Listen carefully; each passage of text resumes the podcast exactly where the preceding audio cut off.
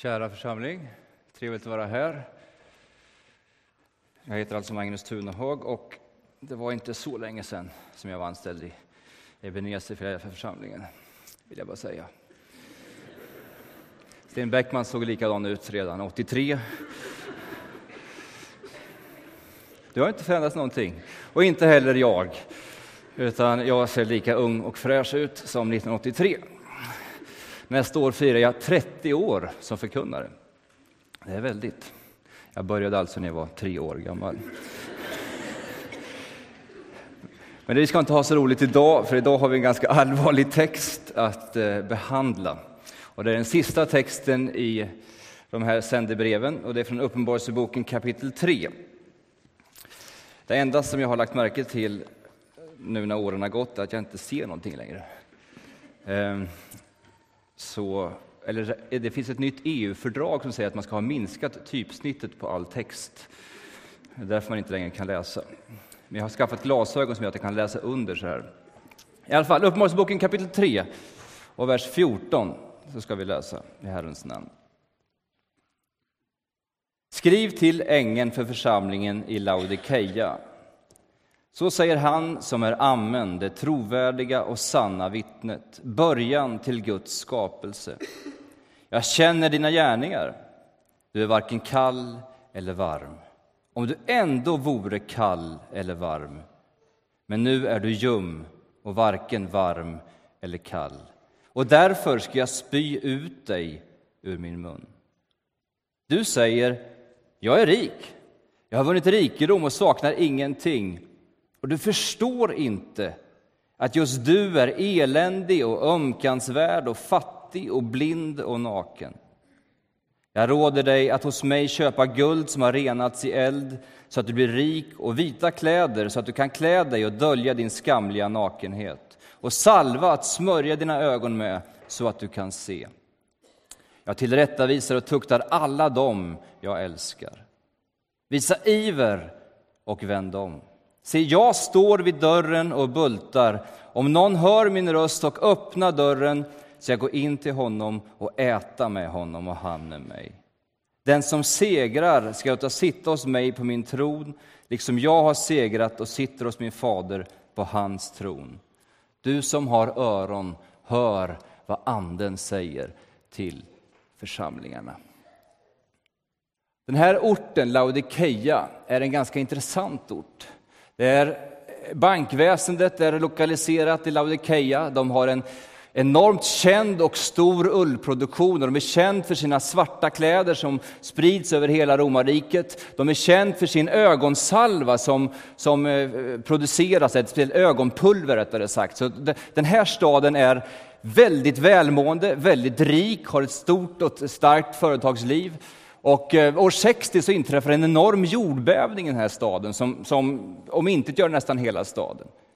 Och då träder romarriket in och erbjuder hjälp om att ni kanske behöver resurser och pengar för att kunna bygga upp staden igen, men de tackar nej. För de har egna medel att bygga upp hela staden. Så det är en väldigt självgående, kompetent och rik och stark stad som de skriver till. De har ett problem dock. De har problem med vattentillförseln. I Kolossai så finns det väldigt, väldigt vackra och goda, kalla källor. I, eh, vad heter den andra orten nu då? I eh, Tyatira så fanns det kokheta källor, men de hade inget bra vatten till, ingen bra vattentillförsel i Laodikeia. Så man försöker transportera det här kokheta vattnet från Tyatira genom akvedukter till Laodikeia. Men när det väl kom fram så var det mineralrikt, Fast inte så här gott och mineral, utan äckligt och extremt ljummet. Så det var deras stora akilleshäl, vattenförsörjningen. Och till den här församlingen som Jesus nu riktar sig, som lever i den här staden. Och den här texten får man nog ändå säga kanske är den mest, de orden Jesus riktar till församlingen, kanske är de mest brutala ord som riktas i hela Nya Testamentet till en församling. Men också kanske de mest löftesrika orden som riktas till en församling. Så här har du både det mest brutala och det mest löftesrika sammanfogat i en enda hälsning till en församling. Och tillståndet i församlingen är sådant att Jesus håller på att kräkas. Jag vet inte vilken bild av Jesus du har. Har du den här bilden? Jesus, Jesus när han närmar sig den här församlingen, analyserar tillståndet i den här församlingen, så är det någonting som gör att hans inre inälvor vänder ut och in. Och vad är det som är anledningen till att Jesus säger till de här, jag håller på att spy på er? Och som en god förkunnare med 29 års erfarenhet, så hur många punkter tror ni jag har? Tre. Varför säger Jesus dessa brutala ord? Vad är tillståndet egentligen? Han beskriver dem som ljumma, som blinda, som fattiga, som nakna och som helt ensamma. Då kan man ju tycka, vad är det för gudsbild som trädde fram här?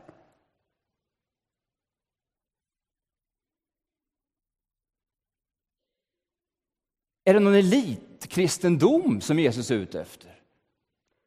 Är det de starkas tro som Jesus håller på att lyfta fram här? Där han verkar spy på dem för att de är nakna, blinda, fattiga och omkansvärda. Men Gud är barmhärtig. Gud är nära dem som har förkrossade hjärtan. Jag kommer ihåg när jag predikade över en annan text i Gamla Testamentet där det står att Gud är nära dem som har ödmjuka och förkrossade hjärtan. Och jag kan inte hebreiska så jag mejlade med Lennart Boström på Örebro Missionsskola om vad betyder det här ordet förkrossade egentligen? Och jag fick en sån underbar beskrivning. Han sa det här ordet kan egentligen också översättas med den vars ande knappt höjer sig över marknivån. Den vars ande knappt höjer sig över marknivån, dem är Gud nära. Så Gud är barmhärtig. Så problemet är ju egentligen inte i första läget att de är blinda, nakna, utan problemet är ju deras egen beskrivning av sitt tillstånd. Där de säger, vi är rika, vi saknar ingenting.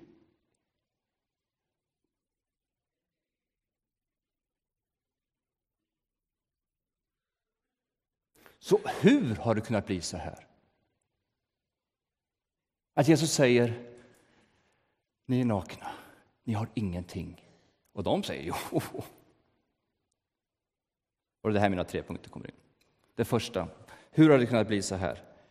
Jo, långsamt men förrädiskt har Jesus förflyttats från centrum ut i periferin. Långsamt, sakta men säkert har jaget hamnat i centrum. Och Jesus har blivit en resurs. Och det där är ju så lätt och så bedrägligt att hamna i. Alltså Gud finns ju med självklart i livet. Jesus är ju viktig i livet, men som en resurs, som en tillgång i förverkligandet av mitt eget livsprojekt. För det är jag som är centrum, det är min vilja, det är mina värderingar, det, det, är min karriär, det är min familj som står i centrum. Men sen har vi församlingen, sen har vi de andliga gåvorna, sen har vi fritiden, sen har vi jobbet och sen har vi ekonomin. De pumpar in i mitten för att jag ska kunna blomma ut och bli den som jag vill vara.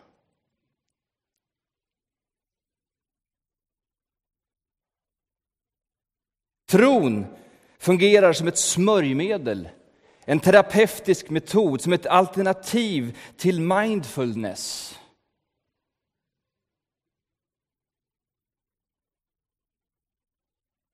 Men när Guds vilja skär i min egen vilja, då är det jag, mig och mitt som både får både första och sista ordet.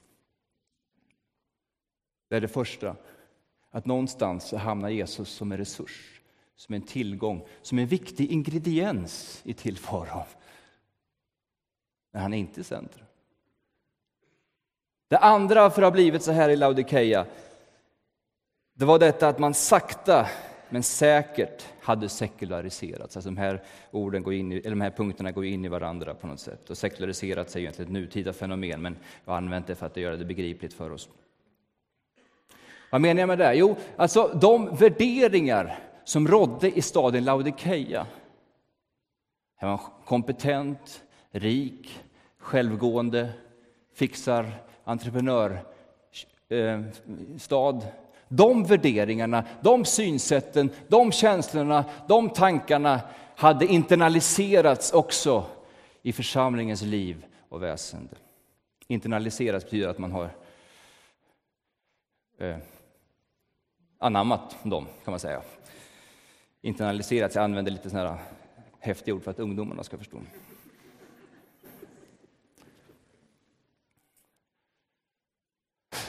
När folk kommer till mig och frågar så här, hur, hur står det till i Johanneskyrkan? Hur, hur är det i Johanneskyrkan? Sådana här frågor får vi alltid pastorer när vi är iväg. Vad svarar jag då? Jag brukar svara, jo, så här många kommer på gudstjänst. Vi är så glada för att vi får vara i den här fina lokalen, Sankt Larsgården, och vi får hyra den. Och, och vi hade ett bra verksamhetsår 2011, vi gick med plus. Och eh, vi har väldigt snygga pastorer, i alla fall den manliga delen av pastorsgruppen är extremt vacker och välmående och frisk och stark. Och, och vi, vi eh, har häftiga satsningar nu till våren. Vi har både Annika Östberg kommer här på fredag och Marcus Birro kommer senare. Det är spännande. Vad säger det?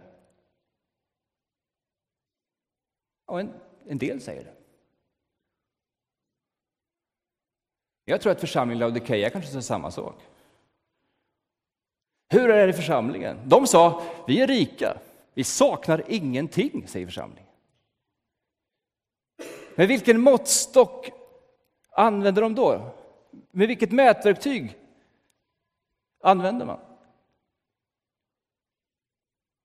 Är ni med?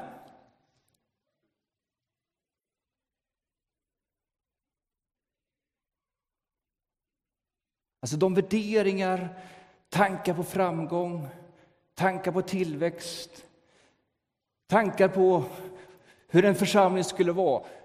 Församlingen av Dikeia hade anammat, internaliserat världens värderingar och, och mätte och bedömde sin församling utifrån det. Och Jesus säger, du är naken, du är blind, du har ingenting. Det tredje.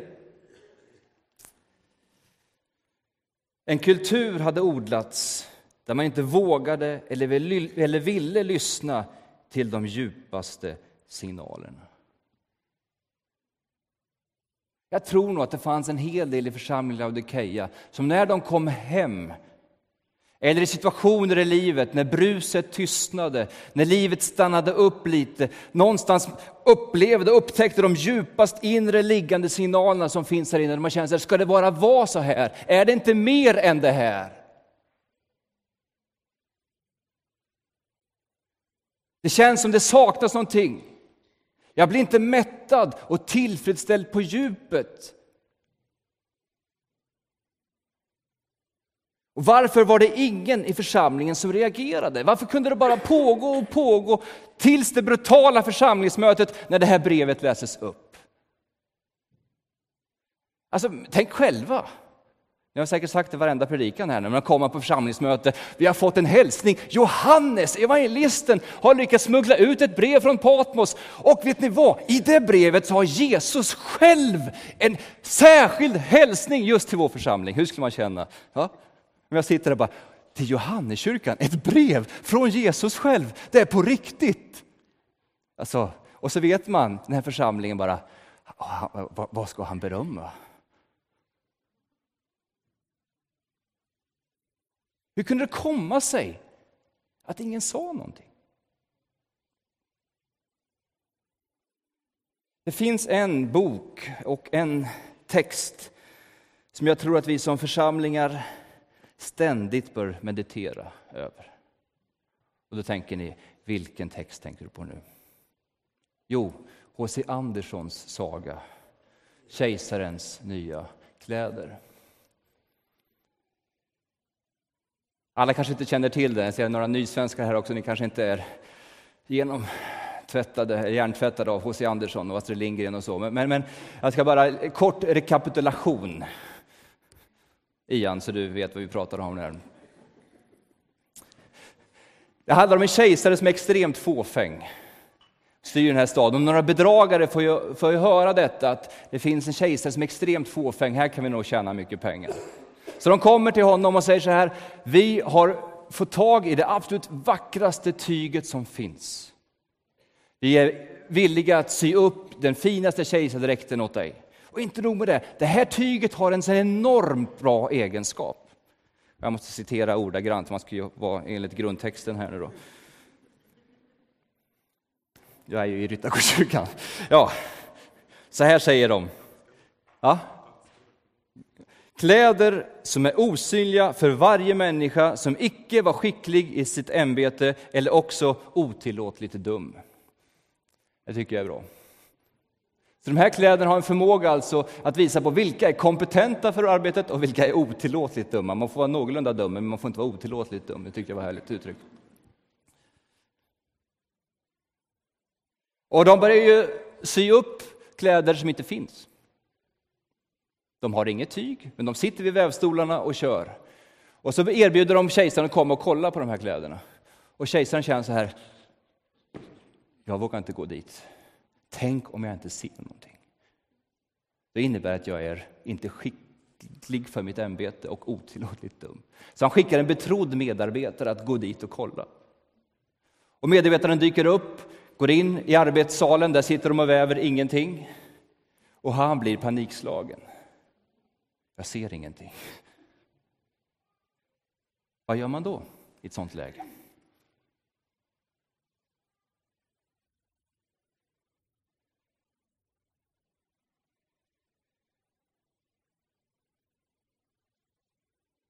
Vi återkommer till sagan.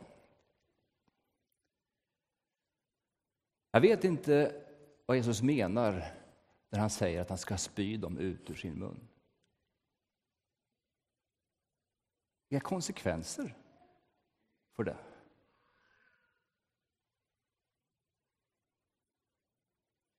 Det jag vet är att läget är extremt kritiskt. Men det är inte kört. Anledningen till de här brutala orden som Jesus riktar till församlingen är ju att han hoppas på en brutal omvändelse. Han säger jag tillrättavisar och tuktar alla dem jag älskar. Visa iver och vänd om. Så fastän det här är på gränsen till man kanske Jesus tål, så säger han ändå, jag älskar er. Jag kommer till er med hopp om att ni ska vända om. Och vad är då vägen framåt?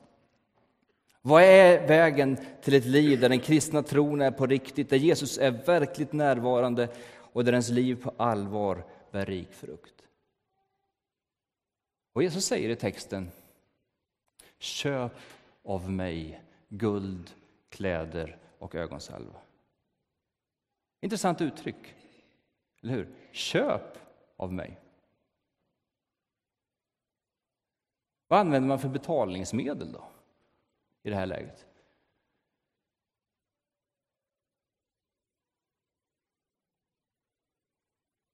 Jag har funderat lite på det. Kanske handlar det om vårt anseende. Kanske handlar det om att släppa vår kontroll, om vår beslutanderätt och att ödmjuka sig inför honom som presenterar sig som det trovärdiga och sanna vittnet.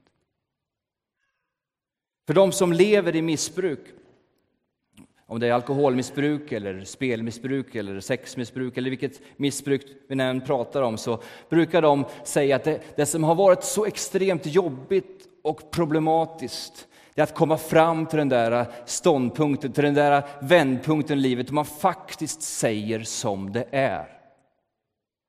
Då man till slut inför sig själv, men också inför sina närstående säger, jag är en missbrukare. Och det kanske är det som är betalningsmedlet i det här sammanhanget. Att faktiskt få släppa på sin stolthet, på sin prestige, på sitt anseende och säga som det är. Vilket smärtsamt uppvaknande på församlingsmötet i Laodikeia när, den här, när det här brevet lästes upp. Tror ni inte det?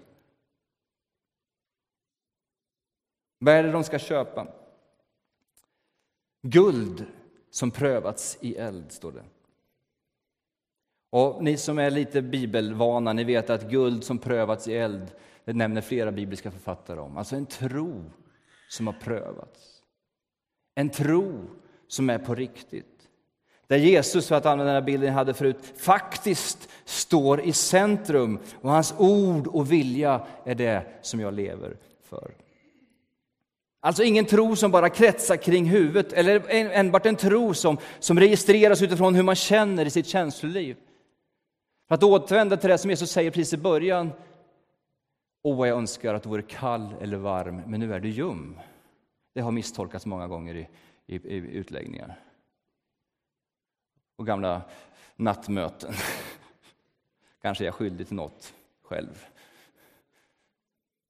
Eller hur? Är du en brinnande kristen eller är du ljum? Och, och jag, jag, tänker man så här, är jag ljum? Då använder man sin termometer och stoppar ner i känslivet och känner så här, hur känns det idag? När lovsången går igång, känns det bra? Men det handlar inte om hur det känns. Det var väldigt konstigt som Jesus sa, jag önskar att du vore varm, då har vi tänkt om en brinnande kristen. Jag önskar att du vore kall, alltså antikristen. Det skulle aldrig Jesus säga. Utan det handlar ju om de här vattenkanalerna, alltså det kalla vattnet eller det varma vattnet. Det var ju till välsignelse för människorna, men det ljumma vattnet var inte till någon välsignelse för någon. För att vara ljum handlar inte om hur du för tillfälligtvis känner när du sjunger lovsång eller du vaknar upp på morgonen eller när du ska betala dina räkningar. Att vara ljum handlar om att man faktiskt inte är till välsignelse. Att ens liv, att ens tro inte längre står i kärlekens tjänst. Så guld som prövats i eld handlar om en tro där man är trogen Jesus i nöd och lust. Vita kläder talar om ett liv i rättfärdighet, i rätt förhållande till Gud, mina medmänniskor, skapelsen och mig själv. Alltså ett liv i kärlek. Och det var det som församlingen i Laodikeia saknade. Visst är det anmärkningsvärt?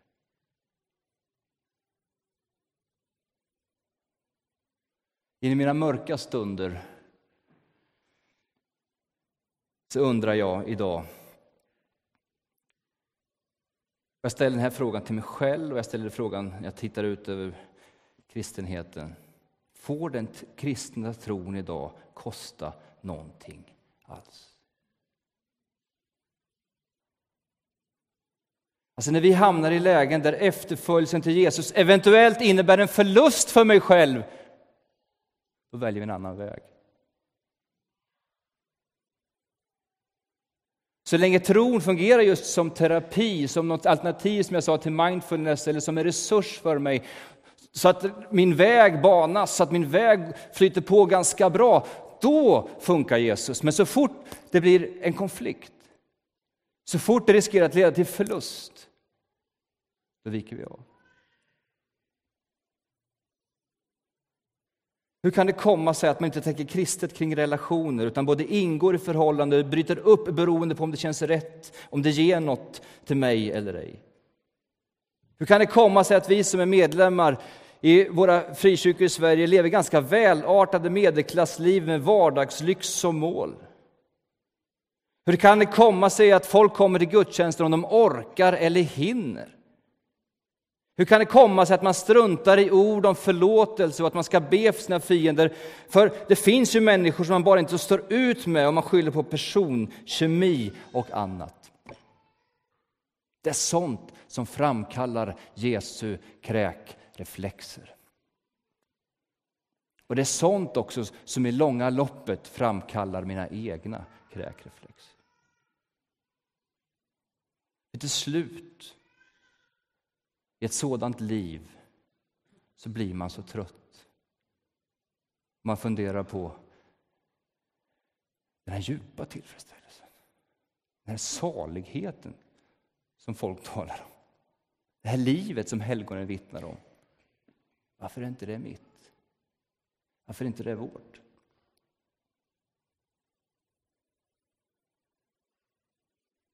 Vi kallade och det här är ju förkunnarens dilemma och bäva och fruktan Att inte kunna måla upp det vackra, det rika och det sköna liv som Jesus faktiskt välkomnar oss till att gå och leva i.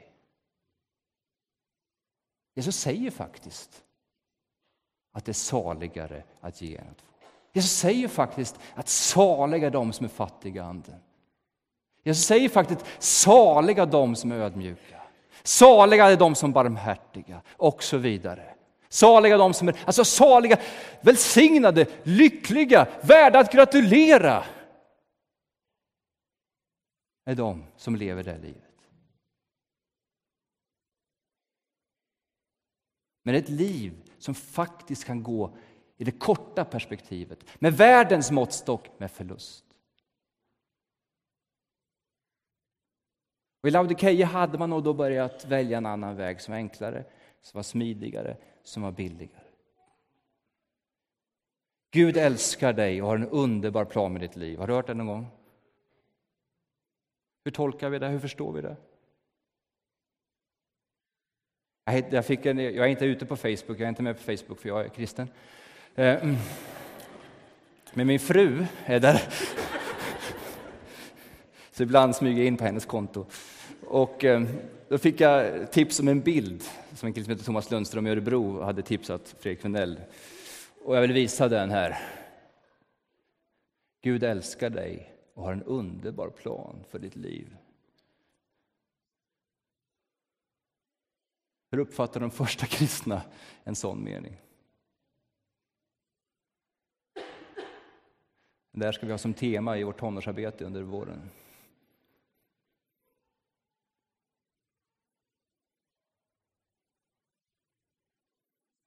Så en tro som är på riktigt. Kläder som handlar om ett liv i kärlek på riktigt. Men också det tredje som eh, eh nämns i texten. Hur länge håller du på? Jag håller på tills jag är klar, helt enkelt. Så brukar jag predika. Det är så konstigt annars. Det sista som Jesus uppmanar de troende att köpa är ögonsalvan. Och kanske är det det som är den faktiskt första och viktigaste bönen att be. Herre, öppna mina ögon så jag kan se igen. Vad var det som de troende i Laodikeia behövde se? För det första, självklart, sitt eget tillstånd. De som säger du är rik, jag är rik, jag har vunnit allt, jag saknar ingenting. De behövde få sina ögon öppnade så de faktiskt fick se på sitt liv, på sin församlings tillstånd utifrån Jesu ögon. Man får inte stanna där, för man kan ju lätt bli förtvivlad. Man kan ju lätt bli uppgiven, man kan ju bli både cynisk och likgiltig och tappa modet. Alltså, var det så här? Var det inget mer? Kom man aldrig ur det här eländet? Så de behöver både se sitt eget tillstånd, men behöver också se den, den inbjudan till omvändelse som faktiskt Jesus säger till dem. Visa iver och vänd om. Och se självklart de löften som faktiskt Jesus ger till dessa troende. Ni ska få äta med mig, ni ska få sitta på min tron.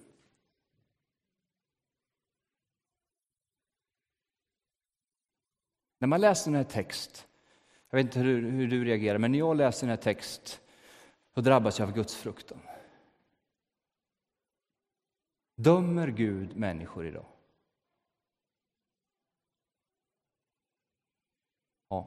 Det gör han. Inte bara vid den yttersta domen sista dagen. Utan här och nu dömer Gud, Gud människor.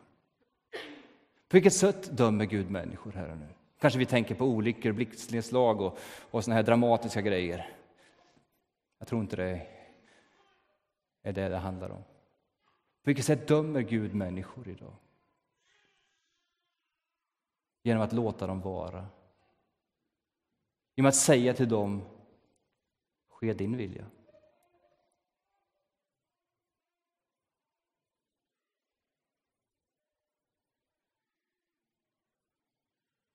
Men han överger trots detta aldrig människan. Utan gång på gång. Kanske inte så ofta som vi önskar, men ibland så återkommer han till en människa och knackar på dörren.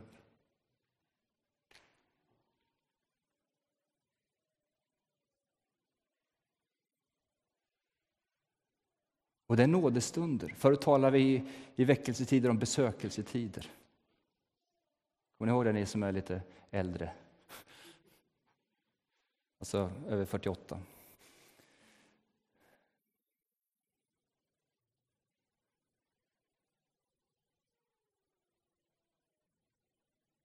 För ett antal år sedan så kände jag hur tron bara försvann i mitt liv. Den försvinner ju inte bara av sig självt. Det försvinner genom att man precis som Laodikeia börjar gå små, små steg där man sätter sig själv i centrum. Där man låter världens värderingar allt mer infiltrera en. Och där man inte heller vågar blotta sig för någon annan människa utan hela tiden grottar med sina egna problem och sina egna tvivel. Jag var lite sliten efter många år i tjänsten. Gamla tvivel dök upp som jag inte hade hanterat tidigare. Och till slut känner jag bara, jag blir cynisk. Jag slog upp ordet cynisk i Svenska Akademins ordlista, också en av de här bibeltexterna som vi bör hålla oss till. För nämligen när jag läste den, den beskrivningen vad ordet cynisk betyder, betyder det känslokall, pietetslös och fräck. Pietetslös alltså betyder att man inte är from. Och det var som att läsa en profetisk beskrivning av mitt liv.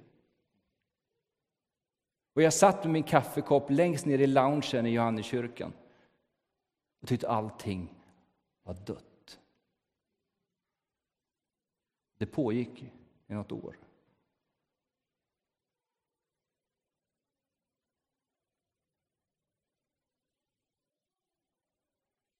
Men sen kom Jesus igen. Knackade på hjärtats dörr.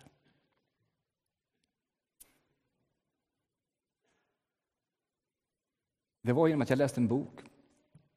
Och helt plötsligt så började trons låga flämta igen i mitt liv. Jag föll ner på knä. Jag insåg plötsligt att tron är inget som jag äger. Tron är en gåva som ges. Och den kan faktiskt tas bort.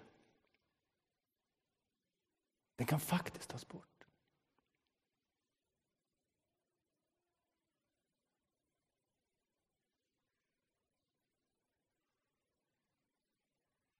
Och det är därför läget var så allvarligt i Laodikeia. Faktiskt kunde tron dö. Men Jesus kommer och knackar på nytt på hjärtats dörr och säger, jag bultar om någon hör min röst på allvar vågar lyssna på de djupaste signalerna som finns där och öppnar dörren. Jag går in till honom och hålla måltid med honom och han med mig. Alltså en sån djup, innerlig, förtrolig gemenskap vi kanske inte riktigt har fått smaka och sett riktigt fullt ut. Och inte nog med det, vi ska få sitta på hans tron. Det där öppnar ju perspektiv som jag inte vet riktigt vad det innebär. Men kanske det, handlar det inte bara om den yttersta tiden, utan kanske handlar det också om att en församling som lever i denna förtrolighet med Jesus, som lever med en verklig tro, med vita kläder, med ögon som har öppnats, faktiskt har en auktoritet i den här tiden som gör att makterna måste börja un vika undan.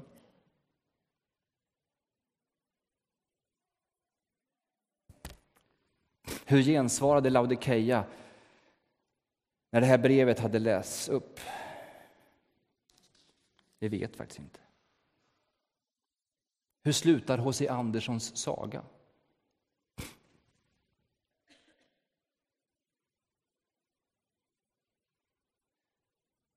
Kungen skickar, eller kejsaren skickar återkommande olika medarbetare för att kolla på det här tyget som inte finns.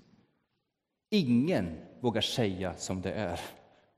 Alla säger vilket fantastiskt tyg. Och jag har aldrig sett dess like, vilka vackra färger, det är helt otroligt. Och den dagen som de ska ha en procession genom hela staden och han ska visa upp sitt stora, sin stora, vad heter det, dräkt. Då kommer kejsaren själv ner och, och går in i arbetsrummet och de börjar visa upp någonting som inte finns. Och kejsaren säger, jag vill inte vara den som säger att jag inte ser någonting. Så han säger som alla andra. Fantastiskt! Vilka... Och så börjar de gå processionen genom staden. Kejsaren först, spritt språngande naken. Folket går omkring och håller någonting som inte finns. Och det har ju spridit sig i hela staden att de här kläderna ser de som är skickliga för sitt ämbete och de som inte och, så, och, eh, eh, eh, och, och inte är otillåtligt dumma. Så folk säger, Åh, vilka kläder, vilka fantastiska kläder. Du tycker också, ja, vilka kläder. Och här inne bara ropar man, han är ju naken. Tills ett barn som inte har förstått och som inte har lärt sig säger, han är ju naken. Då sprider det sig. Han är naken. Han är naken.